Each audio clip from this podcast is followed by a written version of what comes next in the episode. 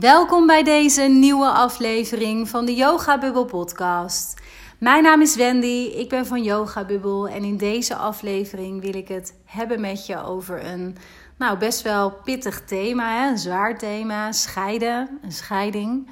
Ehm, ja, de kans dat jij misschien op dit moment zelf in scheiding ligt of twijfelt over scheiden of blijven, of dat je misschien uh, iemand kent hè, waar dit voor speelt, die dichtbij je staat, die is vrij groot. Want uh, ik neem aan dat je anders niet deze, de, dit thema had aangeklikt, deze aflevering had aangeklikt. Um, dus ik hoop van harte dat je nou ja, iets uit deze aflevering gaat halen. Dat je iets hebt aan de ervaringen die ik hier persoonlijk uh, mee heb gehad. En waar ik je graag in mee wil nemen. In de hoop dat het je inderdaad uh, gaat ondersteunen en gaat helpen omdat ik namelijk zelf, um, nou, jaren geleden, als je meer van mij hebt beluisterd of mij volgt, bijvoorbeeld via Instagram, dan, dan weet je wel dat ik uh, ondertussen alweer best wat jaren geleden, maar dat ik ook een scheiding heb doorgemaakt. Um, ja, ik deel daar best wel regelmatig over. Natuurlijk niet al te veel in details, want dat is, vind ik gewoon echt privé en dat is ook niet nodig. Um, maar voor mij is het wel een soort van missie geworden eigenlijk om ja, thematiek rondom relaties, uh, bepaalde patronen die er onbewust steeds insluipen. Hè? Dus bijvoorbeeld verlatingsangst of partners aantrekken met bindingsangst. Uh, een mate van verleidbaarheid altijd hebben. Uh, zelf veel vreemd gaan, dan wel mensen aantrekken, partners aantrekken die jou steeds uh, bedonderen, om het maar zo te zeggen. Ja, dat zijn voorbeelden van patronen waar ik ondertussen zelf echt 100% de overtuiging in heb en ook de ervaring mee heb.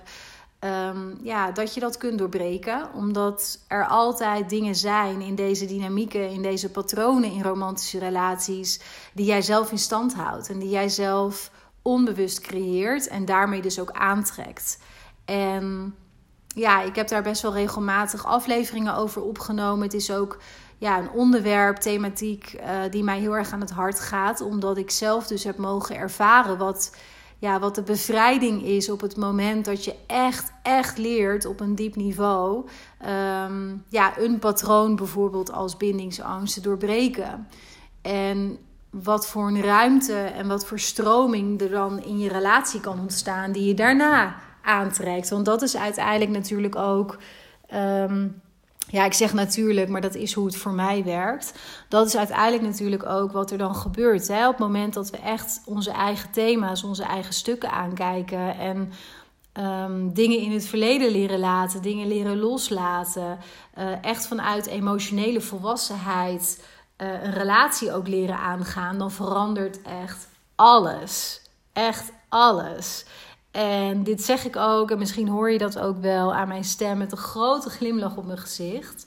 Want de relatie die ik bijvoorbeeld nu al jaren heb met Maurice, die is nou ja, echt van zo'n andere aard en zo'n andere orde dan ik ooit eerder in mijn leven heb ervaren. En het bijzondere is dat ik ergens altijd heb geweten dat dit erin zat en dat dit mogelijk is en dat dit nou ja, dat deze diepe verbinding met een ander persoon, hè, in mijn geval een man, um, ja, dat dat iets is waar ik altijd naar heb verlangd. Uh, en waarbij ik dus altijd echt wel een soort van dieper weten heb gehad dat het er moet zijn. En dat ik ook altijd bij het begin van een relatie. Heb niet heel veel relaties gehad, maar de relaties die ik heb gehad, dat ik altijd in het begin mijn hele hart ook op tafel legde en me heel kwetsbaar opstelde. Dat weet ik echt nog heel erg goed.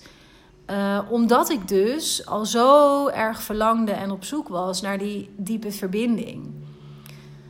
Wat er echter ook bij mij, en dat is een patroon wat bij mij bijvoorbeeld steeds weer terugkeerde, wat er ook bij mij aan de hand was, was dat ik na verloop van tijd, en zeker ook in mijn laatste relatie voor Maurice, hè, dat was een hele lange relatie en dat is ook de partner waar ik uiteindelijk van gescheiden ben, dus waar ik ook eerst getrouwd mee ben. Um, wat er uiteindelijk ook altijd gebeurde, was dat ik mijzelf emotioneel terug begon te trekken. Dus in het begin was ik heel kwetsbaar, heel open, deelde ik van alles, was ik 100% mezelf. Maar ik trok steeds weer partners aan vanuit mijn verleden die daar heel moeilijk mee om konden gaan. Die vaak heel zwart-wit dachten, die heel erg sterk een eigen visie op dingen hadden, heel veel dominantie daarin ook uh, hadden. Ehm, die vaak ook heel erg vanuit het hoofd leefden. Weinig hadden met emoties, dat ook moeilijk vonden om daar woorden aan te geven. Emotioneel volledig onvolwassen waren door hun eigen ervaringen. En dat is geen oordeel, hè, maar dat is gewoon hoe ik er nu in hindsight zelf op terugkijk. Dat zijn de type, dat is zeg maar een soort van typologie van partners die ik aantrok. En dat deed ik omdat ik eigenlijk onbewust Ehm, het voor mij veilig was. En dat klinkt heel raar, maar het was onbewust voor mij heel veilig om in een relatie te zitten waarin ik niet mezelf kon zijn, waarin ik niet al die kwetsbaarheden kon delen, omdat ik dan werd afgefikt, omdat ik dan werd afgeserveerd, omdat het dan van tafel werd geveegd, of dat er werd gezegd dat het belachelijk was, of dat ik te gevoelig was, of wat dan ook, hè? of dat ik raar was. En ik trok dus steeds dat soort partners aan. En dat was voor mij veilig omdat het bekend was. Omdat ik dat gewoon kende. Het is gewoon een herhaling van zetten die ik onbewust steeds deed. En uiteindelijk deed dat natuurlijk met mij ook steeds weer hetzelfde. Namelijk dat je je steeds verder gaat terugtrekken. Want als je wordt afgefikt op dingen die je probeert te bespreken, die voor jou belangrijk zijn en die ja, gewoon diep zitten in sommige gevallen dan je wilt die pijn niet opnieuw ervaren, toch? Dus dan ga je steeds verder terugtrekken. Dus zeker ook in mijn laatste relatie, want daar wil ik het eigenlijk voornamelijk over hebben vandaag, omdat het dus gaat over die scheiding. En ik ben dus van hem uiteindelijk gescheiden. Um, nu ik daarop terugkijk, dat heb ik in die relatie nooit zo woorden kunnen geven. Maar begon ik mij al vrij snel aan het begin van de relatie in kleine dingen eerst, hè, maar dat werd steeds groter, terug te trekken emotioneel. En praktisch vertaalde zich dat bijvoorbeeld in dat ik dingen die voor mij belangrijk waren niet meer met hem besprak. Hè, dat ging bijvoorbeeld in mijn geval over het overlijden van mijn moeder een aantal jaren daarvoor. Um, want daar kon hij niet veel mee. En hij vond het maar een beetje raar dat ik daar af en toe dan nog over wilde praten of dat het nog iets met me deed, want er waren toch al wel weer een aantal jaren verstreken. Maar het kon ook over dingen gaan, hoe ik naar mijn werk keek of naar reizen, wat voor, bijvoorbeeld voor hem heel belangrijk was en voor mij ook. Maar ik had daar wel een iets ander perspectief op dan hij. Vond hij ook heel lastig en hoe ik daar dan naar keek, dat werd van tafel geveegd. En begrijp me niet verkeerd, hè, want niks dan ik wil niet naar praten over mijn ex-partner, want dat is helemaal niet hoe ik er naar kijk of wat mijn intentie daarmee is. Het gaat mij er meer om even een beeld te schetsen van de dynamiek die er tussen ons was. Ik stond het ook toe dat dingen van tafel werden geveegd en dat hij dingen tegen mij kon zeggen. Dat accepteerde ik. Uh, omdat ik het gewoon naast me neerlegde. Ik dacht gewoon, nou weet je, laat maar. Hier heb ik het gewoon niet meer met jou over. Dat deel ik wel met een vriendin of ik deel het met niemand. Ik hou dat gewoon voor mezelf. Maar zo ga je steeds meer van jezelf inleveren. En zo ga je jezelf eigenlijk steeds meer verlaten. En dat is echt wat ik uiteindelijk ben gaan doen. Ik ben mijzelf echt helemaal gaan verlaten om deze relatie houdbaar te houden. Voor mezelf. Om ja, ja, het houdbaar te houden. Ik kan het eigenlijk niet anders verwoorden. En ik sla nu even een heel stuk over, want dat doet voor deze aflevering niet zo ter zake. Hè? Hoe ik tot het punt zelf ben gekomen van, nou ja, ik kan niet verder met deze man, denk ik. En daar twijfel over krijgen, et cetera. Ehm, uiteindelijk ben ik op dat punt terechtgekomen doordat er in mijn leven een aantal dingen gebeurden achter elkaar. Een aantal hele grote live events. Hè? Ik ik ging op wereldreis een jaar met hem. En daardoor zoom je natuurlijk helemaal uit van je leven hier. Hè? En dat maakte ook dat je nou ja, met een ander perspectief toch wel. En met de oogkleppen veel meer naar de zijkant gedraaid. Naar je leven gaat kijken. Naar alle facetten in je leven. Zo heb ik dat tenminste heel sterk ervaren. En dus ook je relatie. Dus dat was wat er was gebeurd. Um, ik thuis, toen we thuis kwamen, toen uh, maakte ik een enorme promotie in mijn baan in Lonis, die ik op dat moment nog had. Um, ik ging een vrij groot team ook aansturen daarin. Dat vroeg enorm veel ook van mijn persoonlijke groei. Want je kunt natuurlijk pas leiding geven als je jezelf leiding kan geven. Dus uh, ik was bijvoorbeeld ook een, best wel een intensief uh, leertraject gestart. Um, een programma uh, wat super boeiend was en mij ongelooflijk veel heeft gebracht in die fase ook van mijn leven. Maar wat ook heel confronterend was. Want het ging heel erg over mij eerst in plaats van Wendy als leidinggevende. Dus ik moest ook echt stukken van mezelf en mijn eigen gedrag aankijken. Wat mij werd teruggespiegeld door leraren, door andere mede-cursisten. Uh, mijn oma die kwam op haar sterfbed te liggen. En het werd uiteindelijk best wel een heel erg um, nou, lang proces. En mijn oma is door het vroege overlijden van mijn moeder voor mij best wel belangrijk altijd voor mij geweest. Ik had een hele mooie, fijne band met haar. En ondanks dat ze oud was en dat hè, haar leven gewoon goed was geweest in die zin, ja, spoelde dat verdriet en de pijn en ook weer met terugwerkende kracht alles wat met mijn moeder had plaatsgevonden, spoelde weer over mij heen. Wat natuurlijk heel logisch is en heel begrijpelijk, maar op dat moment ehm, ja, voelde ik mezelf helemaal eigenlijk verzuipen in van alles. En werd ik voor het eerst in mijn leven echt gedwongen om stil te gaan staan, om naar binnen te keren, om mezelf vragen te stellen van hè, waar word ik nou eigenlijk blij van? En wie wil ik zijn voor mezelf, maar ook in de relatie die ik bijvoorbeeld heb. Hè? En, en in relatie ook tot de ander en met de ander.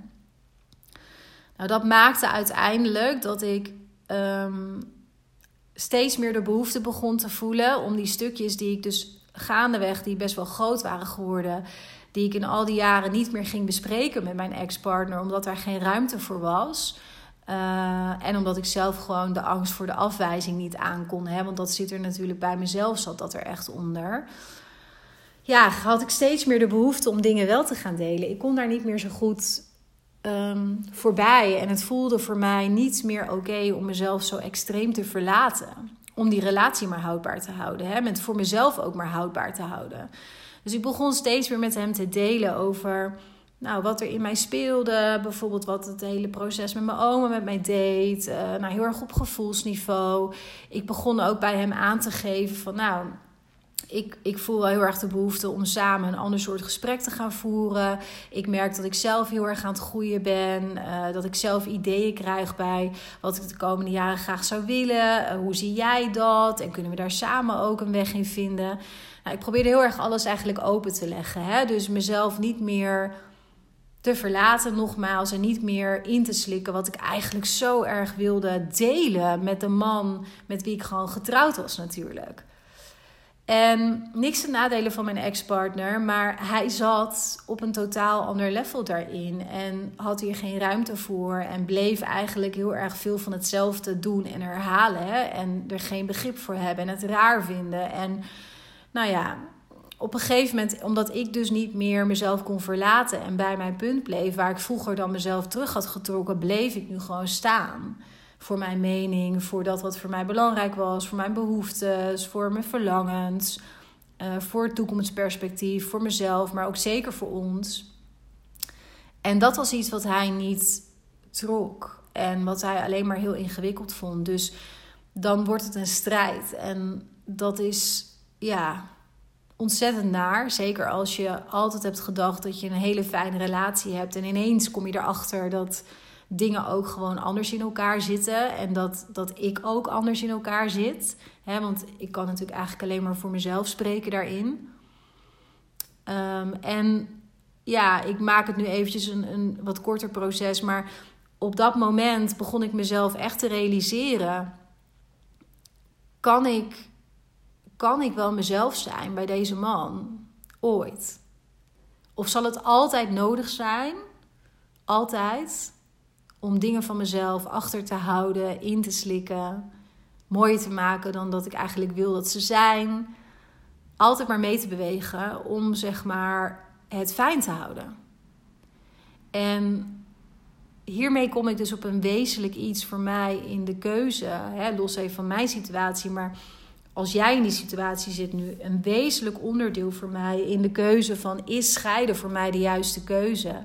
Is de vraag of het te maken heeft met jezelf kunnen zijn. Want in heel veel gevallen, dat is wat ik heel erg veel tegenkom natuurlijk, eh, of natuurlijk, maar wat ik heel veel tegenkom in de trajecten die ik doe, de coachingstrajecten met vrouwen één op één, op relatiedynamiek, op scheiding, op nou ja, vooral eigenlijk relatiedynamiek en, en structuren en patronen.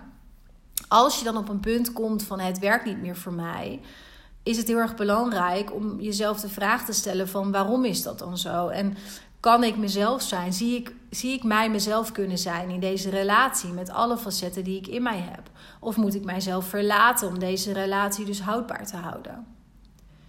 En hoeveel twijfel er in beginsel misschien bij je keuze ook kan zitten. Hè? Want dat vind ik ook wel belangrijk om even te vermelden. Want het klinkt nu net alsof dat ik uh, op een dag een soort Eureka-moment kreeg destijds. En helemaal meteen achter mijn keuze kon staan. Maar dat is echt verre van de waarheid.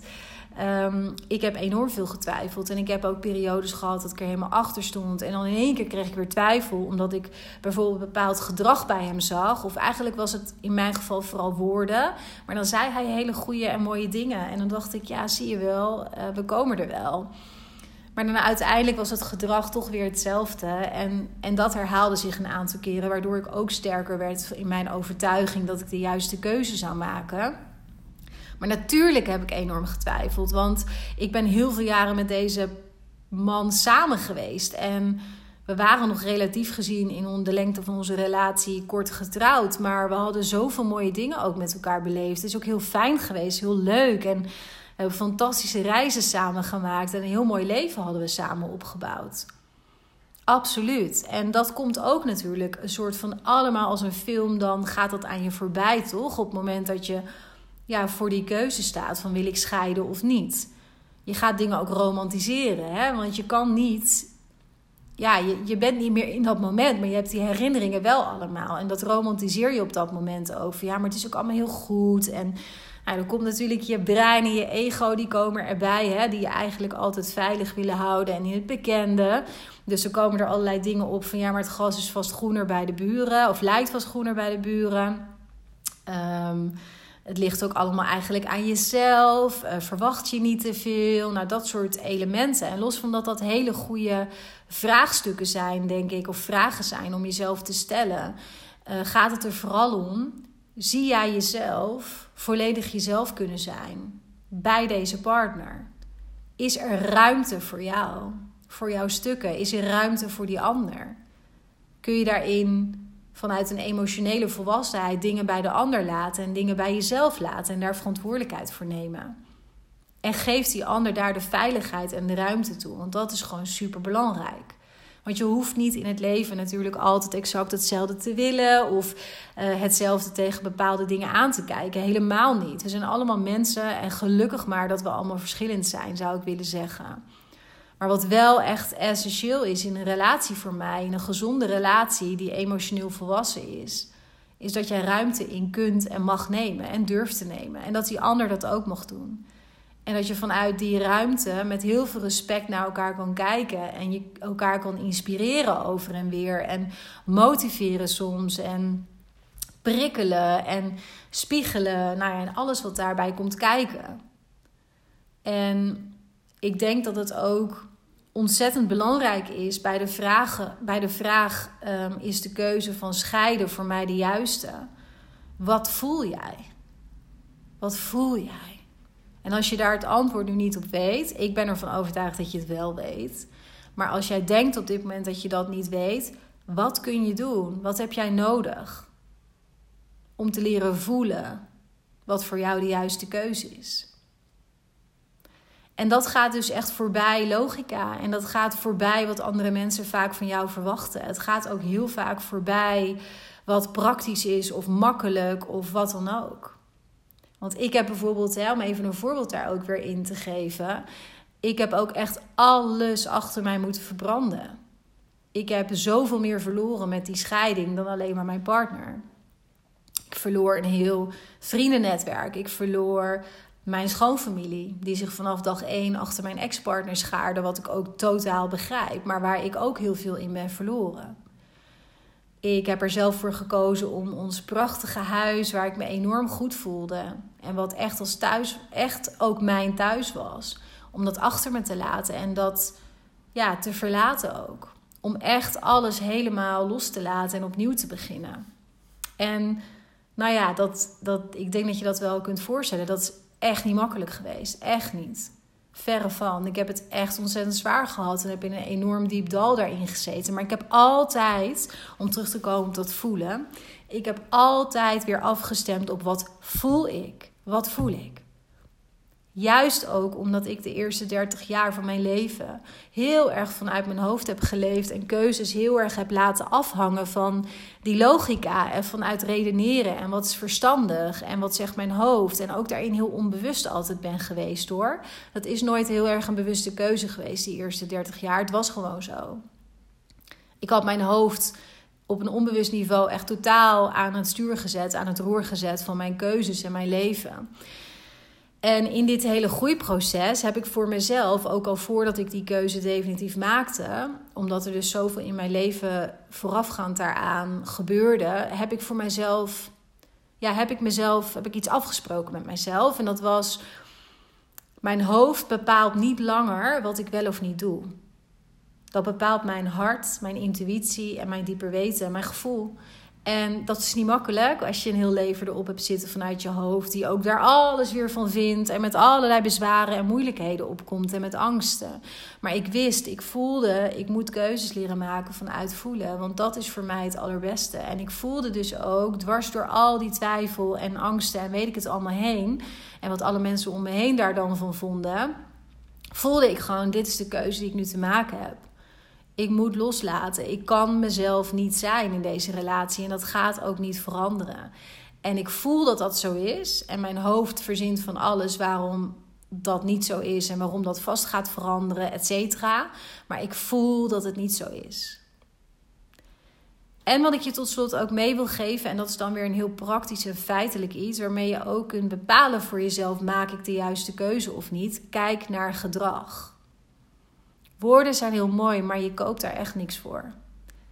Het kan daar soms bij beginnen. Een gedragsverandering begint vaak bij inzichten natuurlijk, en woorden, gedachten, dat soort, ja, dat soort zaken. Dus het kan heel goed zijn dat je iets van je partner verwacht en dat je graag wil dat dingen veranderen. Uh, en dat dat begint bij mooie woorden, bij juiste woorden die je graag wil horen, vragen die gesteld worden ineens. Dat is super mooi. Maar als het zich niet doorvertaalt in gedragsverandering, wat koop je daar dan voor? Makkelijk gezegd, je hebt er niks aan als iemand elke dag tegen jou zegt: Ik hou van jou. Als het in gedrag totaal niet tot uiting komt. Dan wil je liever zien dat iemand dat gedrag laat zien, maar het misschien in woorden niet altijd zegt. En dat is ook met de keuze van scheiden of niet. Um, als je twijfelt, kijk ook heel erg naar het gedrag, wat je steeds weer opnieuw ziet. Observeer dat. En is dat gedrag waar jij mee verder kan leven, waar jij blij van wordt, waar jij jezelf in kan ontplooien en wederom waarin jij 100% jezelf kan zijn.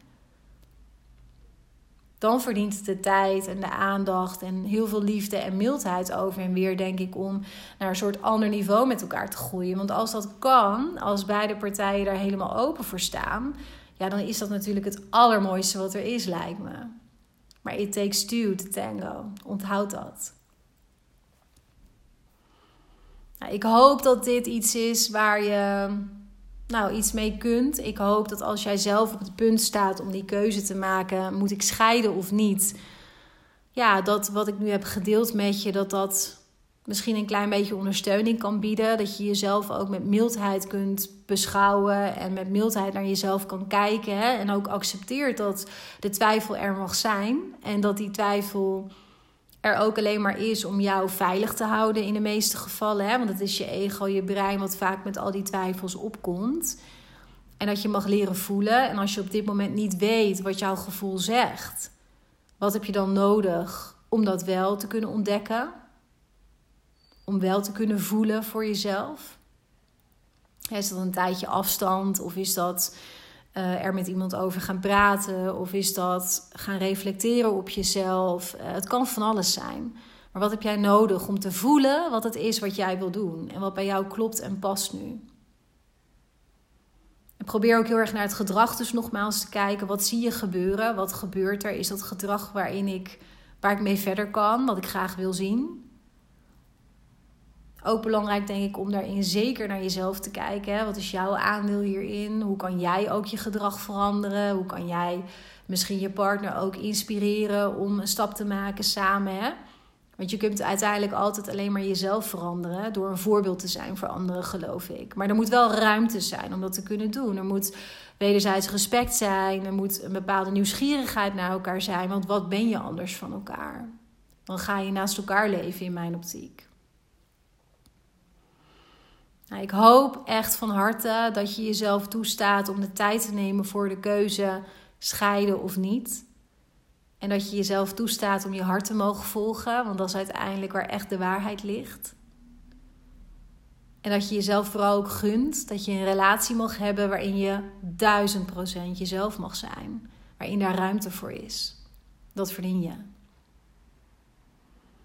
Zit je zelf in zo'n moeilijke situatie en kom je daar niet uit en heb je daar ook hulp of ondersteuning bij nodig, zorg dan dat je die krijgt, op welke manier dan ook, hè, wat je maar aanspreekt. Als ja, mijn verhaal jou aanspreekt, als dat je nou ja, raakt op de een of andere manier, of dat je er herkenning uit haalt. Uh, of misschien volg je me op een andere manier en ben je er zo uitgekomen bij deze podcast. Um, dan mag je me ook altijd even een berichtje sturen op wendy.yogabubbel.nl. En dan kunnen we kijken of een één op één coachingstraject wellicht bij je past. Waarbij je vooral gaat leren om dus heel erg naar dat voelen te gaan. En je inzicht krijgt in je relatiedynamieken, in hoe je hier bent uitgekomen en waar je uiteindelijk echt naartoe wilt. Ik coach heel erg vanuit mijn eigen doorleeftijd, vanuit mijn eigen ervaringen. En wil vooral ook een veilige omgeving bieden waarin jij helemaal tot maximale groei zou kunnen komen.